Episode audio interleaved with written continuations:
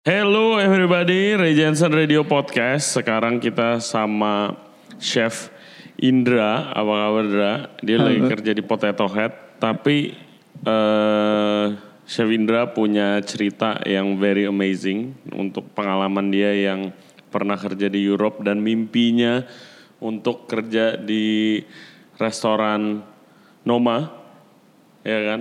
Betul, Jadi, betul. eh, kita mau ceritain, kita mau share ke kalian ceritanya Indra. Eh, tapi sebelumnya gue mau ngomong dulu. Jadi eh, kita se- sebagai cook, chef atau pekerja F&B secara general biasa di judge kalau CV lagi nyari kerja itu dengan pernah kerja di mana aja. Betul. Iya kan? Nah terus makanya khususnya seorang chef itu atau aspiring chef itu biasa punya mimpi kerja di restoran apa pun lah yang jadi ngefans banget ya kan.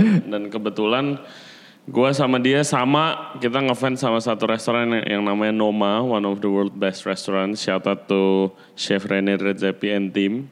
Nah, ya gue pernah kerja di sana juga, Indra juga pernah kerja di sana. Oke, awalnya gimana nih? When the dream start? Oke. Sebenarnya kayak ceritanya kayak panjang banget ya. Gak apa-apa. Itu hampir kayak sekarang 2019 gila, Bro. Mimpinya dimulai tahun 2010. Hmm.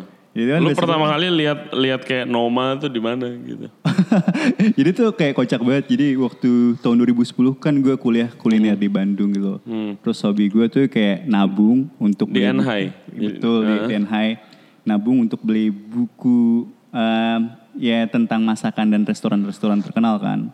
Mm-mm. Ya, tadinya gue kayak kayak ngefans banget sama El Bulli. Iya. Terus gue coba cari tahu semuanya tentang El Bulli. Terus mendadak Numa bukunya dipublish. Iya. Dan gue baca kayak itu laris banget karena dia restoran yang terbaik di dunia tahun 2010. Hmm.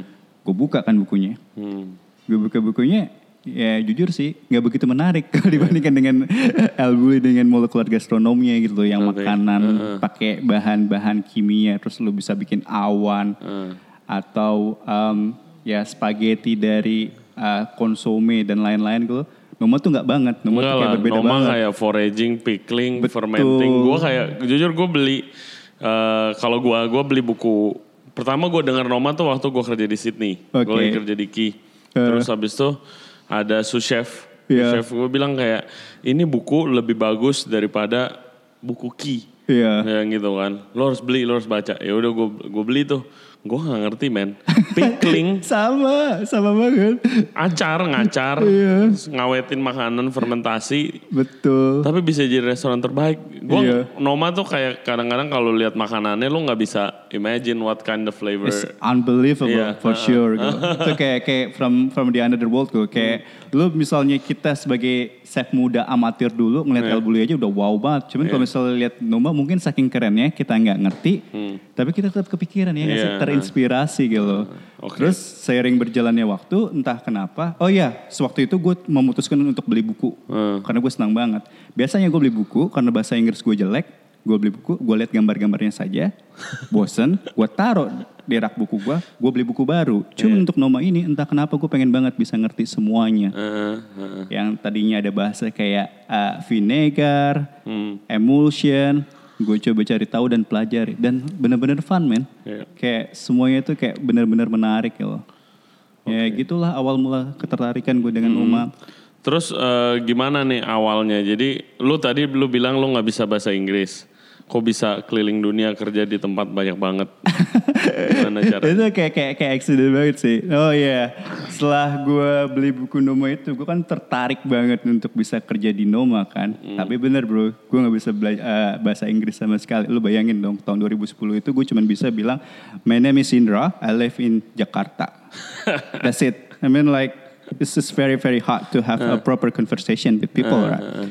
Ya gue Ya juga. pasti pasti lu kebayang dong kayak dulu nih gua waktu mau ke rumah kayak eh. gimana ya restorannya di Denmark, gimana gua di sini mau kerja di sana ya gimana Betul channel banget. Kayak, kayak, kayak, itu kayak, kayak susah banget gitu. Ya udahlah, akhirnya gue memutuskan gue mesti kerja di tempat lain dulu, at least di luar negeri. Untuk bisa get used with everything kan. Nah gue lulus, gue beruntung banget. Gue bisa uh, starts atau uh, unpaid internship di restoran Andre. Ya restoran Andre ini Eh, sekarang udah tutup ya. Udah tutup sekarang udah Kak. tutup Ah. tapi uh, one of the best chef Andre and the best restaurant di Singapore. French French restaurant. Jadi lu Betul. kerja di sana. Betul. Gue gue gue beruntung banget bisa ke sana. Em, niatnya gue pengen kayak bener-bener push, Hmm. bisa kerja di sana, terus bisa ngebuka jalan gue menuju Noma, Iya. iya sih. Gitu. Hmm. Tapi gue cuman bisa bertahan di sana cuma tiga hari doang, bro. Tiga hari. Kenapa? Kenapa? Iya, Again kayak kayak language border gitu loh. Orang-orang kayak ngomong bahasa Inggris juga gue ngomong bahasa Inggrisnya seperapat seperapat gitu loh. Terus habis itu dicampur juga kayak bahasa Mandarin. Ya gue sedih lah nggak bisa Oh apa-apa. ngomong bahasa Mandarin juga? Iya, Wah, dicampur. gila gue Iya, bener. kacau sih kalau kalau di kitchen ngomong bahasa Mandarin. Itulah dia. Kalau kalau lo nggak ngerti ya, kalau lo nggak ngerti sih susah banget sih. Terus Betul. terus Terus ya ya udah kan kayak kayak di hari ketiga itu gue memutuskan nggak datang ke restoran gitu. Gue inget banget gue memutuskan untuk cabut. Tapi sebelum cabut gue ke toko buku dulu Kinokuniya di Orchard Road ya kan. Mhm.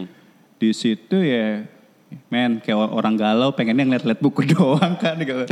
seandainya gitu. Betul, seandainya what if, karena kayak salah banget ambil keputusan ini gitu. Terus ya gue balik lagi kayak buku impian gue gitu. Noma, gue coba bu- buka perlahan-lahan, tapi di saat bersamaan di sebelahnya tuh ada buku Atika Iya. di Melbourne restoran kayak keren banget. Ya, The best restaurant in Australia, Melbourne, Atika namanya. Iya. Betul. Heeh. Tapi ya karena gue masih shock, masih galau gitu. Lo bayangin dong, gue aja di restoran yang waktu itu kalau nggak salah nomor 38 dunia. Ini Atika nih ya. Eh, sorry, Andre. Oh Andre ya. Andre. Heeh. Tiga hari aja bisa nggak kuat gimana gue di Atika yang waktu itu kayak jauh lebih tinggi which is Iya. kayak kalau nggak salah nomor 21 dunia kan ya udahlah gue buka bukunya keren tapi gue tutup lagi sedih gue Hmm. gue pulang gitu ke ke Jakarta dan gue sadari kayak misalnya language border itu kayak benar-benar menjadi masalah yang serius untuk Sangat sih, iya kalau lu mau banyak juga yang nggak apa jalan yang nggak kebuka gara-gara barrier bahasa gitu. kan. Iya. Kalau lu ngerti bahasanya itu wah lu bisa ngebuka jalan ke mana-mana sih. Apalagi kalau lu kerja nih. Kayak Betul. waktu gue di Noma aja gue ngebayangin nih kalau gue ngerti Denmark lebih lancar lagi nih kerjaan gue nih. Gitu. Biarpun udah komunikasi bahasa Inggris gitu, tapi kadang-kadang kan suka ngomong Denmark sendiri gitu kan. iya benar-benar Iya. banget sih kalau gue sih di Denmark bilangnya tak tak tak aja Iya, tak, tak, tak, tak. Tak itu artinya yes, boleh tak. Iya. Oke. Oke deh balik, balik lagi kayak akhirnya setelah dari eh, Singapura kan kayak kayak gue kayak kayak stres banget gitu kayak eh, language barrier is kinda like very very serious problem dan gue memutuskan untuk belajar bahasa Inggris dari awal Hmm. proper gitu dan karena gue nggak percaya gue bisa bahasa Inggris melalui tes-tes merek-merek terkenal Hmm. gue pilih jalan yang radikal. Gue ke kampung Inggris sama mantan pacar gue which is sekarang jadi istri gue kita belajar bahasa Inggris di sana kayak lu bayangin dong kita saking pengennya bisa bahasa Inggris Di kita kampung Inggris nih apa sih? Gue juga baru denger oh tadi lo sorry gue ngomongin. gue lupa lupa jelasin Jadi kalau- apa ini tempat-tempatnya? Kayak gimana sih? kayak kayak itu kayak kayak, kayak desa gitu dekat ah gue gue gue lupa sih nama desa tepatnya cuman kalau nggak salah tuh kayak setengah jam atau satu jam dari kediri jadi ada suatu kampung kecil yang isinya tempat-tempat les bahasa Inggris Oh gitu. Iya, tapi mereka tuh Oh, kayak keren, kayak, kayak non formal tempat bahasa eh, les bahasa Inggrisnya karena tutor-tutornya tuh orang-orang muda yang pengen bener-bener ngajarin orang Supaya supaya bisa Inggris. Oh, Inggris. ngerti. Cool, cool. Tapi That's so cool. ekstrim loh men, kayak lu bayangin coba, lu belajar seharian penuh dari jam 5 pagi sampai jam 10 malam, lu mesti full bahasa Inggris gitu. Wow, gila. Pasti Padahal itu di sana, betul di East Java, lu bayangin Dan aja. di sana lu nggak boleh ngomong bahasa Indo. Iya, kalau Oh, kalau nggak kita kayak, kayak, kayak, di strap gitu coy. Hmm. Kayak kayak kayak sampai misalkan ngomong bahasa Indonesia, terus lu suruh lagi kelas lu suruh berdiri di luar gitu. Sampai Hmm. segitunya gitu. Jadi ya mau nggak mau ya kita push bareng-bareng untuk bisa bahasa Inggris. Lu bayangin dong kayak kayak, kayak em, teman-teman tuh ada yang dari Makassar, ada yang dari Surabaya, Hmm. ada yang dari eh, Medan. Bahasanya medok-medok bahasa Inggrisnya. Cuman nggak apa-apa. Iya gitu. nggak apa-apa. Betul. Ya, yang penting bisa ngomong, bisa Betul. ngerti, bisa denger. Oke. Betul. Terus lo akhirnya lo ke Atika. Eh da- j- dari les bahasa Inggris ini kan akhirnya gue em, mencoba ngambil tes namanya IELTS kan. Iya, IELTS. ah. Katanya Ini buat orang-orang keperluan visa ya? keperluan Oke. visa bener banget karena gue denger gue, gue pengen banget bisa uh, work uh, and holiday visa di Australia itu yang paling gampang. Kalau visa-visa. Hmm. negara lain kita sebagai orang Indonesia kan itu susah banget. Jadi gue mikir yang ya udahlah yang make sense aja gitu. Cobalah apply cuma harus ada IELTS kan. Gue tes IELTS dapat baru ke Australia. Hmm. Nah, gue nggak langsung ke Atika karena gimana ya? Gue merasa jiper aja gitu loh dengan pengalaman gue di Andre. Jadi gue coba apply-apply ke restoran mediocre dulu. Hmm. Gue lempar CV ke lebih dari 13 restoran, cuman gak ada yang dapet. Oke. Dan gue nganggur selama kayak dua bulan itu. Sedih banget rasanya. Kayak bayangin dong, lu nggak Hmm. Udah punya- semangat. udah semangat banget, udah merasa bisa dua bulan, lu coba apply apply ke mana-mana, Hmm. cuman nggak ada jawaban. Boro-boro ada respons. Kayak mungkin kalau gue merasa kayak email gue dibuka juga enggak kali. Hmm, ngerti, Yaudah kan, gue akhirnya uh, sedih banget, uang habis, ngomonglah ke keluarga di Jakarta gitu. Misalkan gue nggak dapat dapat juga, gue mendingan pulang deh daripada Australia. Mm-mm. Ngabisin uang orang tua Iya, kan. hmm. Gue inget banget hari Rabu itu, gue telepon nyokap gue, bilang seperti itu, tapi gue siapkan aplikasi terakhir, Kat- Katika. Hmm. Gue email, dan ya gue dalam hati berpikir kalau misalnya nggak ada jawaban sampai weekend, sampai hari Sabtu, minggu depannya hari Selasa gue bakal pulang ke Jakarta. Hmm. Cuman ya namanya rezeki ya kayak suddenly hari Jumat gue dipanggil dan amazingnya gue langsung disuruh kerja hari Selasanya. Oh mantap, nice. Dan dari situ Sebagai stage juga, stage stage dulu. intern dulu, Heeh. kayak mulai semuanya dari nol. Bahasa Inggris tetap masih berantakan. Hmm. Gue inget banget hari pertama kerja sama orang Hong Kong galaknya setengah eh, setengah mati gitu. Cuman gue merasa beruntung dapat dia namanya Iya. Jeffy gitu. Tiap hari gue kayak dibentak-bentak, diomelin, disuruh kerja cepet, lari-lari gitu. Cuman dia ngajarin semua yang dia tahu. Hmm. Jadi kayak empat bulan gue belajar semuanya dari dia. Dan ketika gue merasa gue nggak bisa lagi stats di sana kayak gue nggak enak minta terus um, support dari keluarga di Indonesia, Hmm. gue bilang gitu, gue nggak nggak bisa lanjut ke, ke, ke kerja di di sana tanpa dibayar. Iya. Boleh nggak uh, kalau misalnya gua Kerja full time gitu. uh, even nggak full time man, gue cuman kayak butuh seminggu tuh dapat 100 dolar aja Iya. buat ongkos. Buat hidup aja. Iya, ya. buat Ah. buat ongkos doang gitu. Kayak hidup kan waktu itu gue numpang gitu kan. Hmm. Kayak gue dari rumahnya. Oh ya, gue gue tinggal di rumah sepupu gue which is 2 jam dari Atika. Hmm. Jadi lo bayangin gue jam 7 pagi bangun, 2 jam take train ke Atika mulai jam 9 uh, pagi, selesai jam 12 malam nyampe rumah lagi jam 2. Iya, gua it's really similar Iya. sama gua waktu gua kerja di Ki. Oke. Gua eh, gua numpang sama temen gua, gua tinggal di eh, tinggal di sofanya basically. Wow. Terus satu setengah jam eh, tiap hari dari masuknya jam setengah delapan kalau Ki. Ya gue dari jam 6 udah kayak Standby. gue standby gitu. Pulangnya kalau di Sydney itu di atas jam 11, 10, 11 gitu di area Ki itu. Udah gak ada kendaraan ya. Bis itu dua jam sekali men. Kalau lu miss, kalau lu miss gue pernah dari deep cleaning kelar jam 2 gue udah capek banget. Gue lihat bisnya udah stop tapi udah nggak bisa lari lagi kayak. Aduh, gue nungguin lama banget eh kayak gitu. Wih, ya pretty similar sih stories kita. iya, iya. Dan gimana lu pengalaman di Atika? What's the most important thing you learn? This is really really important. Lo bayangin dong kayak gue mulai uh, starts di sana kayak gue merasa inferior banget gitu karena gue nggak bisa apa-apa kan. Hmm. Terus gue yang tadi gue ceritain belajar sama Jeffy, diajarin semuanya, tapi gue merasa bahwa gue nggak dihargain gitu. Gila men minta kayak 100 dolar seminggu aja nggak dikasih kerja katanya nggak ada lowongan gitu. Terus chef Ben Swery sendiri pun nggak pernah ngajak ngomong gue gitu. Dan gue merasa dia nggak tahu nama gue siapa. Mhm. Dan ketika itu setelah empat bulan, which is which was kalau nggak salah sekitar bulan Mei, Mhm. eh, capek kan, Hmm. gue memutuskan untuk pindah ke Sydney karena Oke. teman gue bilang bahwa ada lowongan kerja di catering. Hmm. Nggak apa-apa lah kerja di catering, tapi yang penting kan gue bisa hidup. Iya. Target kan seperti itu. At least gue bisa belajar bahasa Inggris. Hmm. Ya udahlah gue beli tiket pesawat dan lain-lain gitu loh. Walaupun belum belum pasti seperti apa, gue pamit. Mendadak suatu malam tuh gue inget banget, gue dipanggil sama Ben pertama kalinya gitu. Dan gue kaget banget. Dan inget banget chef waktu itu ngomong, Indra, would you like to come with me? There is a serious, serious, a very serious problem. Ya gue takut dong setengah mati. Gila gue gak pernah diajak ngomong. Kira diajak ngomong seperti itu. Jiper. Jiper Ben banget. Syria yang punya lagi yang kayak manggil. Oke, iya, iya. Terus ya udah lah kayak, kayak kayak dipanggil gitu. Kayak kayak kayak kayak, kayak uh, lab pribadinya dia.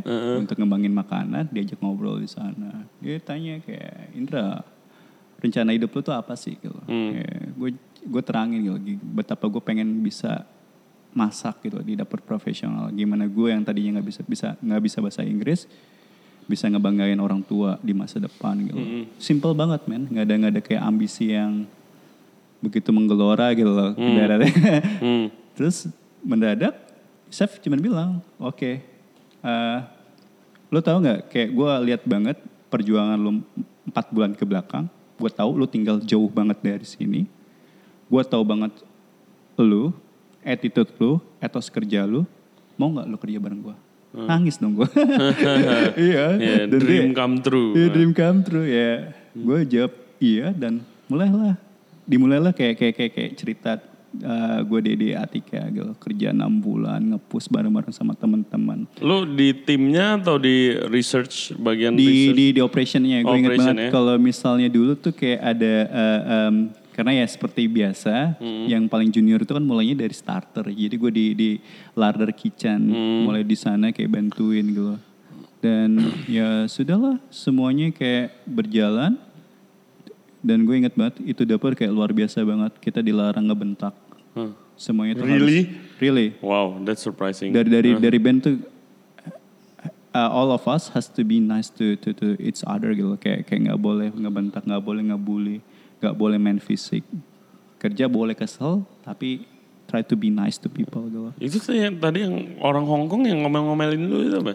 Uh, Jeffy karena dia gini loh uh, walaupun dia ngomel-ngomel ke gue ya tadi yang gue bilang um, gue bisa keterima di sana ternyata buat gantiin Jeffy. Jeffy resign. Oh, oke oke. makanya gue bisa ada di sana dan gue merasa berterima kasih banget sama Jeffy gitu. Kayak semua yang dia tahu akhirnya gue tahu terus gue bisa adaptasi dengan luar biasa cepet gitu Dan oke, lu enam bulan di Atika. betul. Terus habis itu lu kan pernah kerja di Lokafor juga. Di, Eh, iya di setelah enam bulan gue gue gue diartikan kan visa gue habis dan niatnya itu kayak pengen disponsorin kerja di sana Aduh ya itu urusan ribet lah visa betul itu. ribet banget sumpah. Gua kalau visa nggak ribet sekarang gue masih di Paris kan. Iya, iya.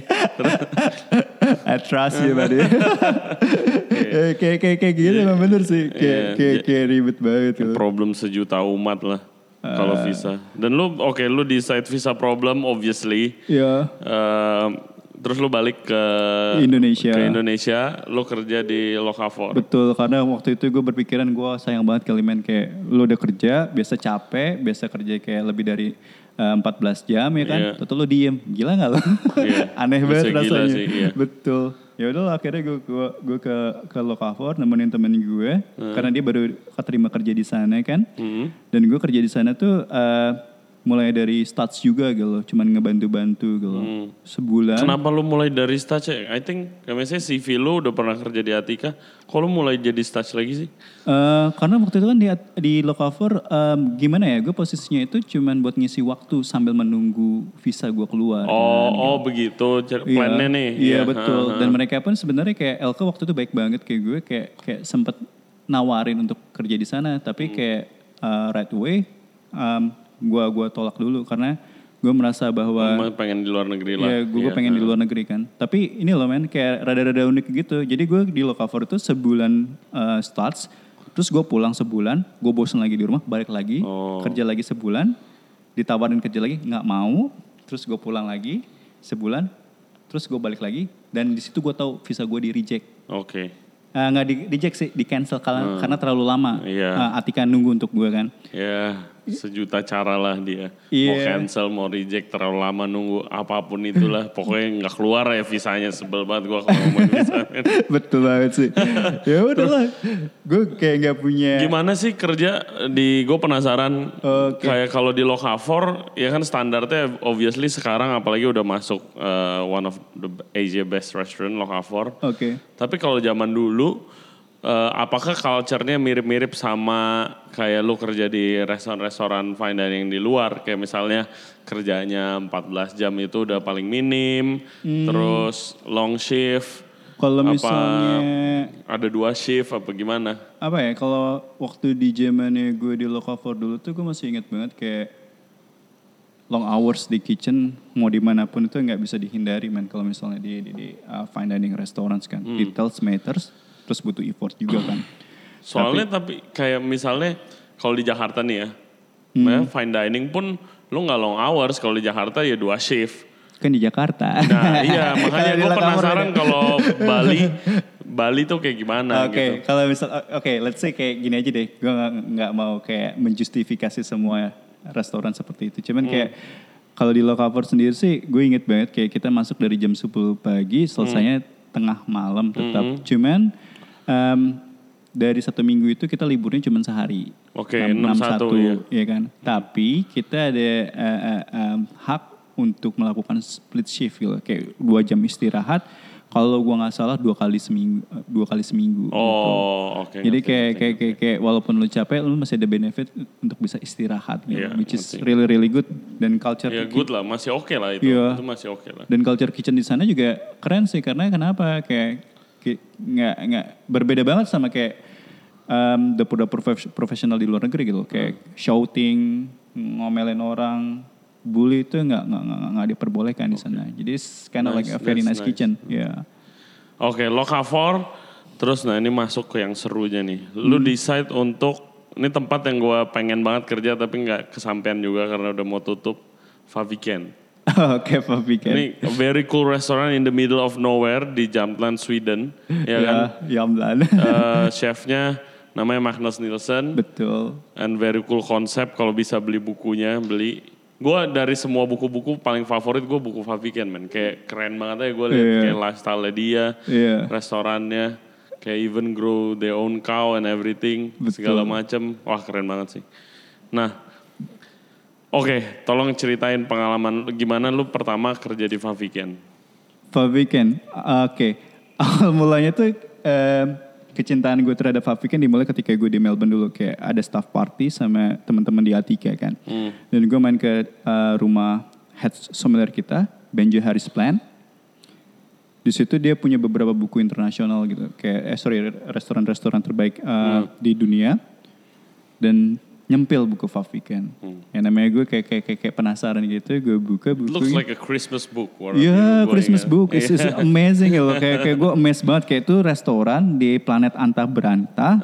Cuman bisa kayak wow banget gitu loh. Dan chefnya itu kayak model-model Viking gitu Iya, kan. Viking ya. Heeh, terus kayak gue ngomong di hati gue, Ray kayak day gue mesti bisa sampai ke sana gitu. Sebelum gue nyampe ke Noma gitu. Ya udahlah, em, terus gue pulang ke Indonesia di Lokafor, visa gue di cancel, tapi gue refuse untuk kerja di Lokafor. Tapi di saat bersamaan gue bisa mendapatkan kesempatan untuk intern di Faviken ketika gue submit CV gue. Oh lu email aja gitu. Iya email aja gitu. Nice, nice. Jadi kayak Soalnya gue gue sempet eh, jadi head chef Kado namanya Cumin Iya. tempat yang gue kerja. Dia Cumin tuh Han, iya. dia bilang kayak kan gue sempet bilang gila gue pengen ke sana sih. Iya. Dia bilang kayak ke sana sih lu pasti dapat sih dia bilang soalnya kita tuh rada susah.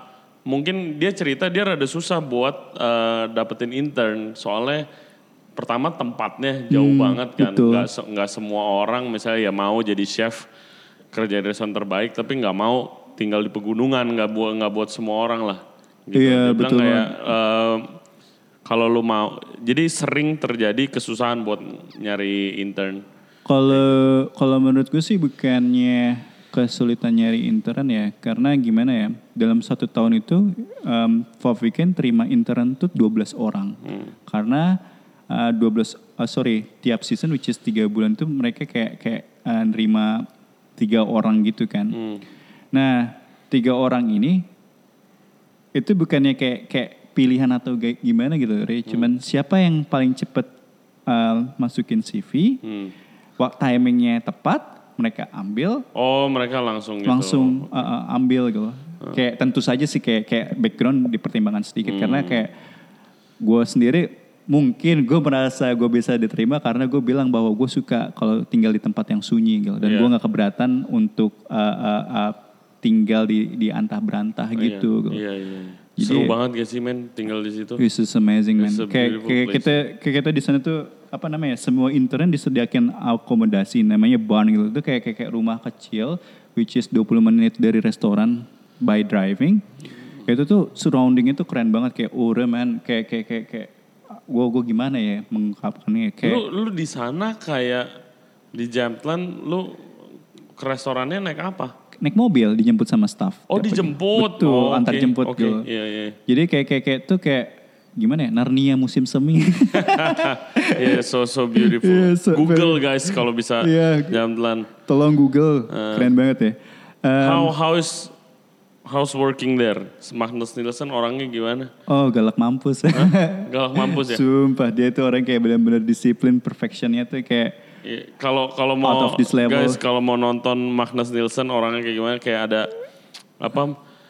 Chef Table juga ada dia kan ya di Ah, Netflix iya, Chef Table di Netflix. Table, uh, Mind of a Chef. Betul. Itu kayak ya gue gue inget dia kayak masak steak pakai tangan gitu, Betul. butternya diusap-usap pakai tangan di atas betul. pan gitu. Iya, Iya, iya. galak banget ya dia. Dia galak banget kayak perfectionnya dia tuh kayak parah banget.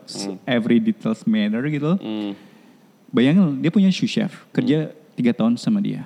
Tiap hari masak steak, ya kan? Heeh. Udah tiga tahun masak steak masih diomelin karena timingnya tuh nggak perfect. Ah. Magnus itu kayak dia bikin sistem, sistem itu untuk diikutin. Dia, Ah. dia kayak strict banget, semua orang tuh harus ngikutin. Nggak boleh dengan cara yang berbeda, tidak boleh kayak beradaptasi dengan cara lu Manajemen sendiri. style ya. Boleh, tapi resultnya harus sama. Iya. Ya itu kayak kayak gimana ya di situ bisa bisa dirasakan gimana dia tuh melakukan standar yang disamaratakan ke semua orang gitu. Hmm. Which is amazing karena kenapa ya gue dari semua chef yang pernah gue temui mulai dari kayak ah, di Australia, di Denmark, di Swedia dan sempat sebentar di di Netherlands, Magnus itu yang paling kayak flawless gitu. Oh ya. Ya, Oke. itu lo bayangin dong dia di kitchen seminggu tuh cuman kayak tiga kali atau empat kali gitu. Tapi dia yang paling cepat Hmm. masih Oke. presisinya yang paling Hmm. bagus dan eksekusinya tuh luar biasa gitu. Oke. Kayak Wow. legend banget gitu. Kayak Makanannya enak gak? oh kalau misal makanan kayak produsnya mereka tuh sinting banget gitu. Semuanya tuh luar luar bener-bener luar biasa kualitasnya. Jadi dengan teknik masak yang perfect, Hmm. hasilnya itu unbelievable. Lo bayangin dong kayak eh, lo bisa lihat videonya ada namanya kayak eh, king crab cuma dimasak pakai burnt butter terus disajikannya pakai almost burnt cream. Nah, almost burnt cream itu cuman cream dari Sweden yang di semi caramelize.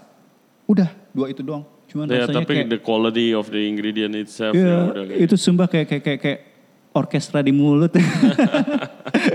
gue bisa bayangin sih. Iya. Oke, gue uh, mau nanya soal Fabikin satu. Waktu baca bukunya, Hah? ada yang namanya for, broth made from forest floor. Lo oh, itu ya, ya gue gue gue masih Iya, iya. autumn leaf, itu apa sih? Kalau misalnya Masa kayak daun nih, ya. lu bersihin terus lu keringin, terus lu bikin teh gitu. Jadi em, kalau misalnya gue nggak salah ya, kalau misalnya brothnya itu cuman eh, basically cuman beef broth, tapi beef brothnya itu nggak main-main. Kayak tetap precision is everything. Lo potong eh, dagingnya at certain size, Hmm. cube gitu To make a broth. to make a broth. Ya, Why? just just just a broth. Why? Because like you know, kalau misalnya lo potong secara presisi dan lo karamelize, karamelisasinya kan merata. Tapi kan to make a broth. Uh, Iya, tapi, iya, tapi ngerti, itu yang ngerti. mereka percaya. Iya, ngerti, Itulah ngerti. kenapa Ngerti, seperti gue bilang kayak chef tuh chef Magnus tuh kayak bener-bener sinting gitu. Hmm, iya, iya. Dengan dengan mirpoa yang sesimpel itu, terus kayak kalau di dia tuh broth itu bukan matter of like you know how long you simmer it, tapi bagaimana lu bisa tahu kalau broth itu siap. Iya. Jadi kayak gimana ya kalau cara ngomong gampangnya? Ya lu kayak simmer aja tuh broth, nggak pakai tiga jam, nggak pakai empat jam, tapi ketika lu lihat lu rasakan itu Iya. udah That's perfect. that's one of the hardest part Ya, sih kalau lo feeling. ngerasain itu lo feeling betul lo. betul. Kayak gue gue lat, dilatih itu sih waktu di Prancis kayak Iya. dia bilang lu broth lu nggak boleh kelamaan kalau nggak is dead flavor gitu kan. Iya. Dan bisa bedain rasanya lo harus bisa. Nggak- jadi nggak- kayak nggak fresh lagi rasanya. Karena ya susah susah banget lo kuah. Ini udah udah mateng apa belum ya kuah mesti udah mateng gitu kan ya kayak begitulah pokoknya Kalau di, di sana beda cuy, kayak kayak bukan udah matang atau belum, udah perfect atau ya belum. udah perfect atau belum ya kan Oke balik lagi, jadi kayak broadnya udah jadi, terus kayak kita tuh kayak eh, ngumpulin daun-daun dari musim gugur. Heeh. Eh, sorry bukan musim gugur, kayak musim gugur kan daun-daun itu pada rontok, terus Iya. musim salju dong, terus daunnya ketutupan salju. Heeh. Terus ketika transisi dari musim salju ke musim eh, semi, itu kan es meleleh. Nah di situ daunnya diambil dan dikeringkan. Rasanya itu kayak ah, unik banget ya. Gue bilangnya tuh kayak kayak ah, rasa hutan, ya esensinya ada di situ. Gue percaya cuy. oke Terus ditaruh. itu yang gue nggak bisa bayangin kayak Hah, gila daun gitu kan yang udah ketutupan sama salju towing berarti udah kerendam terus lu dikeringin dulu Iya. jadi basically itu act as an infusion kan as an infusion Oke. kayak kayak tea gitu. Jadi Ya, kayak kayak kayak tea kan, ketika servis daunnya itu ditaruh di pot, terus uh, beef brothnya dipanaskan, ya udah diseduh. Jadi quickly, nggak nggak nggak kayak ekstrim gitu selama at certain time. Dan rasanya ya benar-benar kayak fresh forest uh, flour gitu. Terus kayak beefy banget karena beefnya sendiri kan lo pernah dengar dairy cow kan kalau mereka Iya. itu pakainya sapi perah yang, yang yang yang buat menyusu.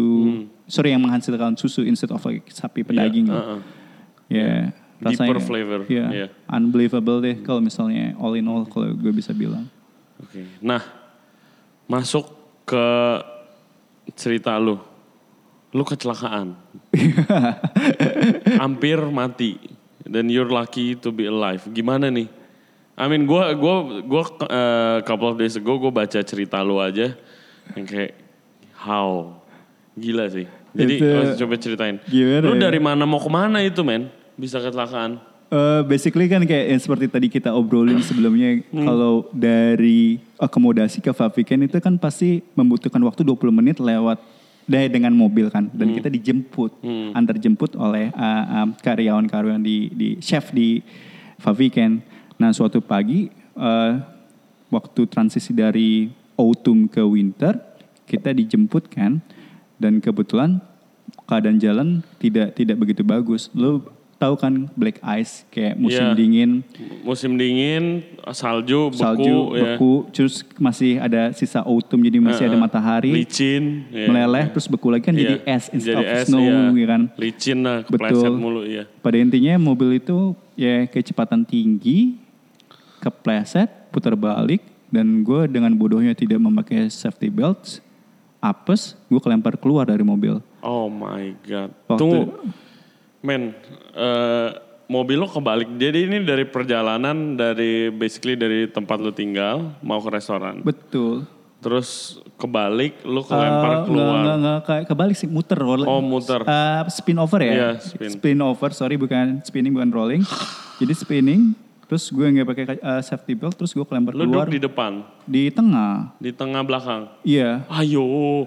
itu jadi kayak kayak kelempar keluar. Terus gue nggak tahu sih, gue diceritain sama teman-teman gue ke, Did you ke- blacked out? Iya, black out, nggak nggak sadar, mental keluar, terus katanya pendarahan lewat mulut, mat- mata dan kuping, kepala gue udah bengkak semua, terus katanya sih orang-orang nyangka gue udah nggak ada gitu. Heeh. Tapi alhamdulillah sih kayak kayak di sana tuh medisnya keren banget. Dijemput pakai helikopter, dilarikan ke rumah sakit terdekat, which is kalau misalnya naik mobil satu jam perjalanan. Iya itu di kan Ure, in the middle of nowhere. Iya kan, in the middle. Lu bayangin coba. Dan gue merasa beruntung banget kayak di sana dirawatnya cepet. Em, ketika gue mendarat, mereka memutuskan gue mesti diterbangkan kembali ke pusat bedah nasional di Umeo. Which is Men, gue gua masih speechless lu. Iya. Oke, sorry sorry. Iya tapi gue masih speechless lu kecelakaan. Oke, gila. Terus kayak yang nyetir nggak? eh, ya yang itu cuman kayak patah tulang rusuk doang karena mereka pakai safety belt. gua. Jadi guys ya ini penting banget buat lu, lu pada untuk pakai safety belt karena nggak enak banget dampaknya kalau lagi apa sih. Iya, gue gua orang yang paling annoying kalau misalnya apa safety belt kayak temen gue aja kayak gue pakai pakai pakai safety belt Iya. nggak pernah tahu gitu. By the way, gue juga gue nggak separah lu sih men. Nanti uh, in the next part kita lanjutin cerita lu. Tapi gue juga pernah kecelakaan di Perancis. Oke. hari hah, hari ketiga lah gue di Prancis gue gue kecelakaan juga sama mobil gue spinning sama gara-gara black ice juga tuh Tapi untungnya gue pakai seatbelt. Jadi jadi gue nggak gue nggak kenapa Gak bisa Oke, oke. marah. Iya. Oke guys, thank you very much for watching this part of the podcast. Nanti kita akan lanjut lagi. Uh, don't forget to subscribe to Ray Jensen Radio, YouTube channel, Spotify, Apple Podcast. Uh, follow Instagram kita at Ray, uh, Ray Jensen Radio. Instagram lo apa, Dra? Eh, at set your appetite. Apa? Set your appetite. Oh, set your appetite. Nanti kita kasih description-nya. Nanti kita lanjut lagi. Thank you very much for listening. Bye-bye. I'll see you next time. Bye bye.